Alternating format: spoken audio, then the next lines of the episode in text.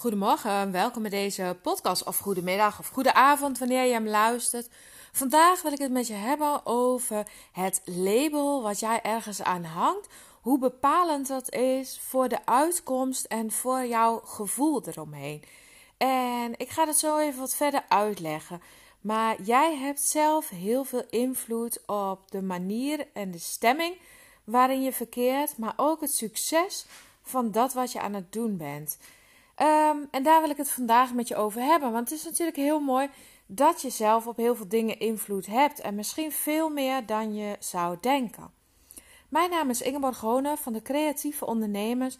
En door middel van deze podcast wil ik je heel graag inspireren, motiveren om lekker actief aan de slag te gaan met jouw eigen onderneming. En om daar echt een groot succes van te maken. En zoals ik net al zei, ben jij zelf een van de belangrijkste factoren voor dat succes. Vandaar dat je via deze podcast af en toe een pep talk van me krijgt. Ik mijn gedachten met je deel. En ik hoop dat je op deze manier uh, weer lekker actief aan het ondernemen gaat. Um, ja, over dit thema van vandaag. Waarom heb jij nou zelf zoveel invloed op de uitkomst van hoe iets verloopt? Nou, ik denk dat mindset een van de belangrijkste factoren is. Hoe jouw gedachten, hoe je over iets denkt, hoe je ergens um, naar kijkt.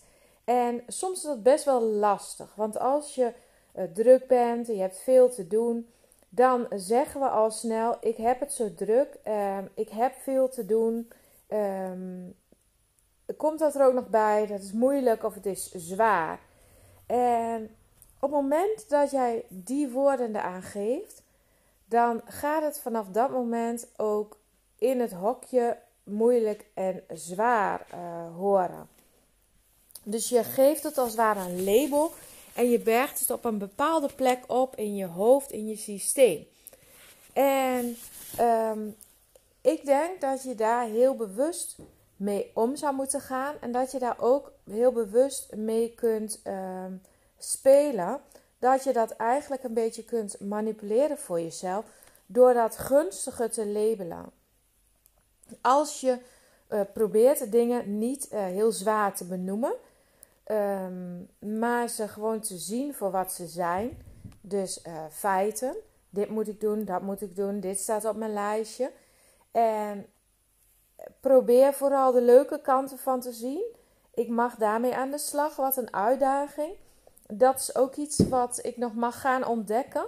Of waar ik, uh, uh, ja, wat ik af kan gaan vinken als ik het heb gedaan. Um, probeer vooral uh, daar een positief label aan te hangen, zou ik zeggen. Want dat maakt echt heel veel verschil. Dat is eigenlijk hoe ik het zelf uh, de laatste jaren zoveel mogelijk probeer te doen. En ik moet zeggen dat me dat echt heel veel heeft opgeleverd. Want Daardoor voelt alles echt een stuk lichter. Als je elke keer kijkt van, oké, wat heb ik te doen? Hoe kan ik dit aanpakken? En wat, uh, ja, wat levert het me dan op? Dus dat je ook kijkt naar de resultaten als je het hebt gedaan. En wat levert het je op aan nieuwe ervaring, uh, nieuwe uitdaging. En dat geldt dus ook vooral voor dingen die moeilijk of lastig zijn. Probeer die niet alleen te zien als moeilijk of lastig, maar probeer ze als een avontuur of een uitdaging te benoemen. En als je dat hebt gedaan, wat heeft het je dan opgeleverd? Dan heb je dus weer iets nieuws gedaan. Dan heb je je ervaringen uitgebreid. Je hebt wat geleerd. Je hebt wat ontdekt. Je hebt wat uitgevonden. Je kan weer iets afstrepen op je lijstje. En als je het vanaf die kant bekijkt, dan staat je met een hele andere energie.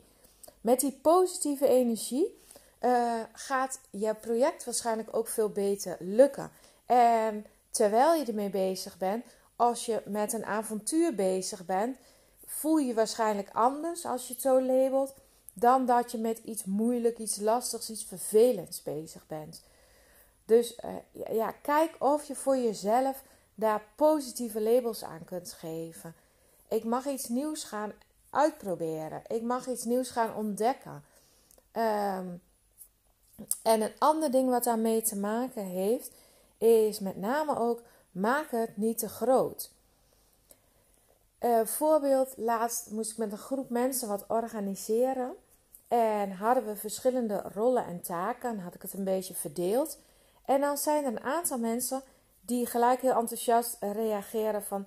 Oh leuk en fijn, overzichtelijk dit. En dat, uh, dat is een rol wat mij wel past. Dat zou ik wel willen doen. Uh, dat zie ik helemaal zitten. Maar er zijn ook altijd een aantal mensen die reageren dan van... Oh, dit lijkt zoveel, wat moeilijk, wat zwaar. En ik kan uh, sommige dingen echt niet doen omdat ik ver weg woon. Of omdat ik weinig tijd heb. Of omdat. En ik snap het. Want dat is dus uh, wat het eerst bij die persoon dan opkomt. Maar het gaat je niet helpen. Want daardoor ga je het accent leggen op dat wat jij niet kunt. Of wat voor jou niet mogelijk is. Terwijl als je het grote plaatje bekijkt. Ben je vaak met meerdere mensen of kun je hulp inschakelen. En is het gewoon handig om te kijken van oké, ik heb beperkte tijd. Um, ik heb een bepaalde uitgangssituatie. Dat betekent dat een aantal dingen voor mij niet kunnen. En het is goed om die natuurlijk te constateren. Maar om dan gelijk om te draaien en te zeggen: Oké, wat kan ik wel doen? Op welke manier kan ik bijdragen? Wat zijn mijn sterke punten? Want naast die dingen die je niet kan doen, zijn er natuurlijk heel veel dingen die je wel kan doen.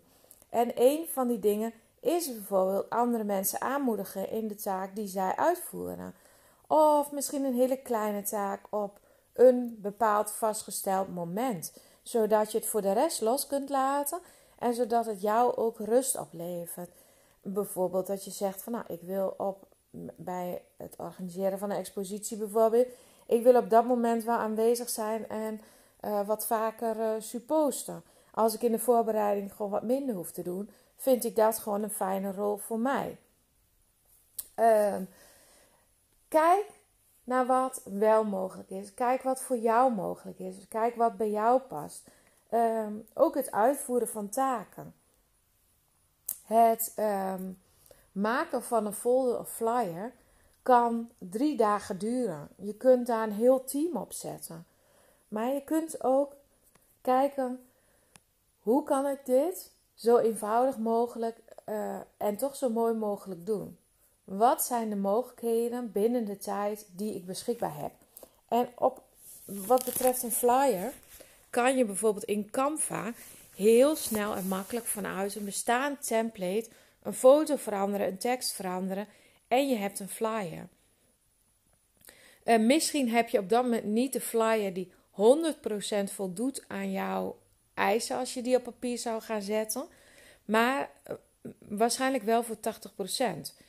Want de kleur is oké, de tekst is oké, het is duidelijk, het is helder, het dient het doel. Het doel is dat mensen weten dat er iets te doen is.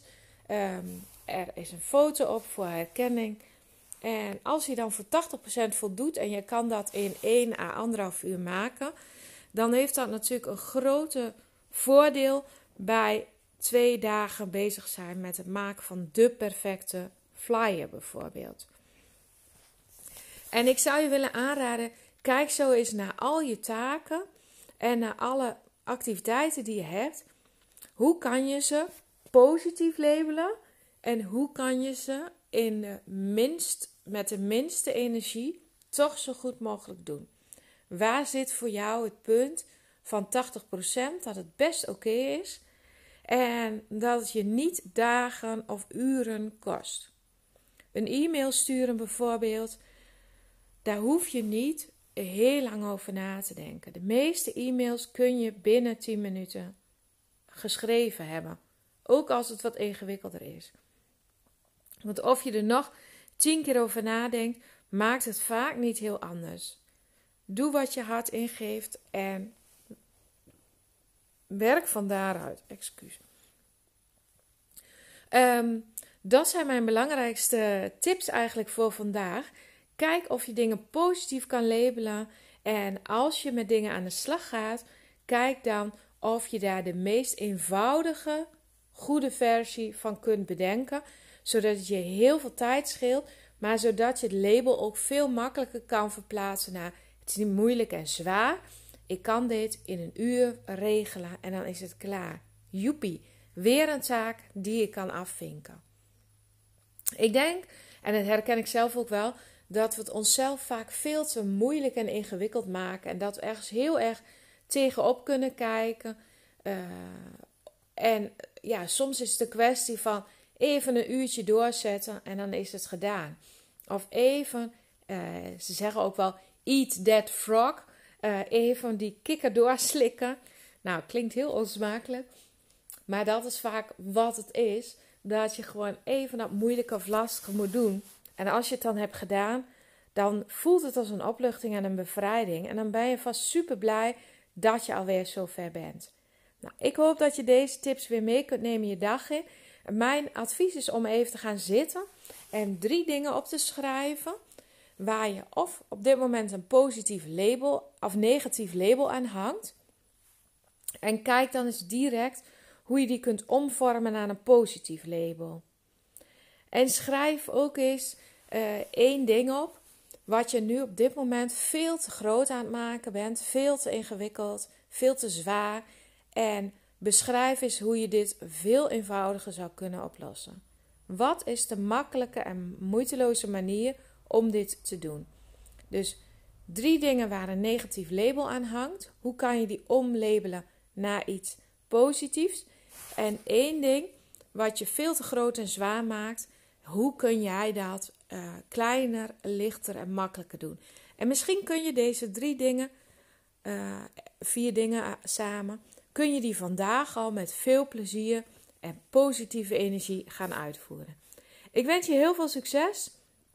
En als je deze podcast leuk vindt of je denkt iemand anders heeft hier wat aan, zou het heel leuk vinden als je deze podcast deelt. Of dat je op social media of zo deelt dat je deze podcast aan het luisteren bent.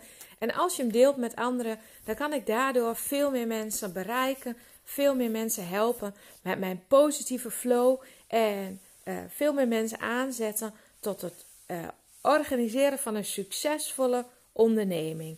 En als je hem leuk vindt, geef me 5 sterren op de podcast-app of in iTunes. En ook dat helpt me weer om meer mensen te bereiken met deze podcast. En ik wens jou heel veel succes en tot de volgende keer.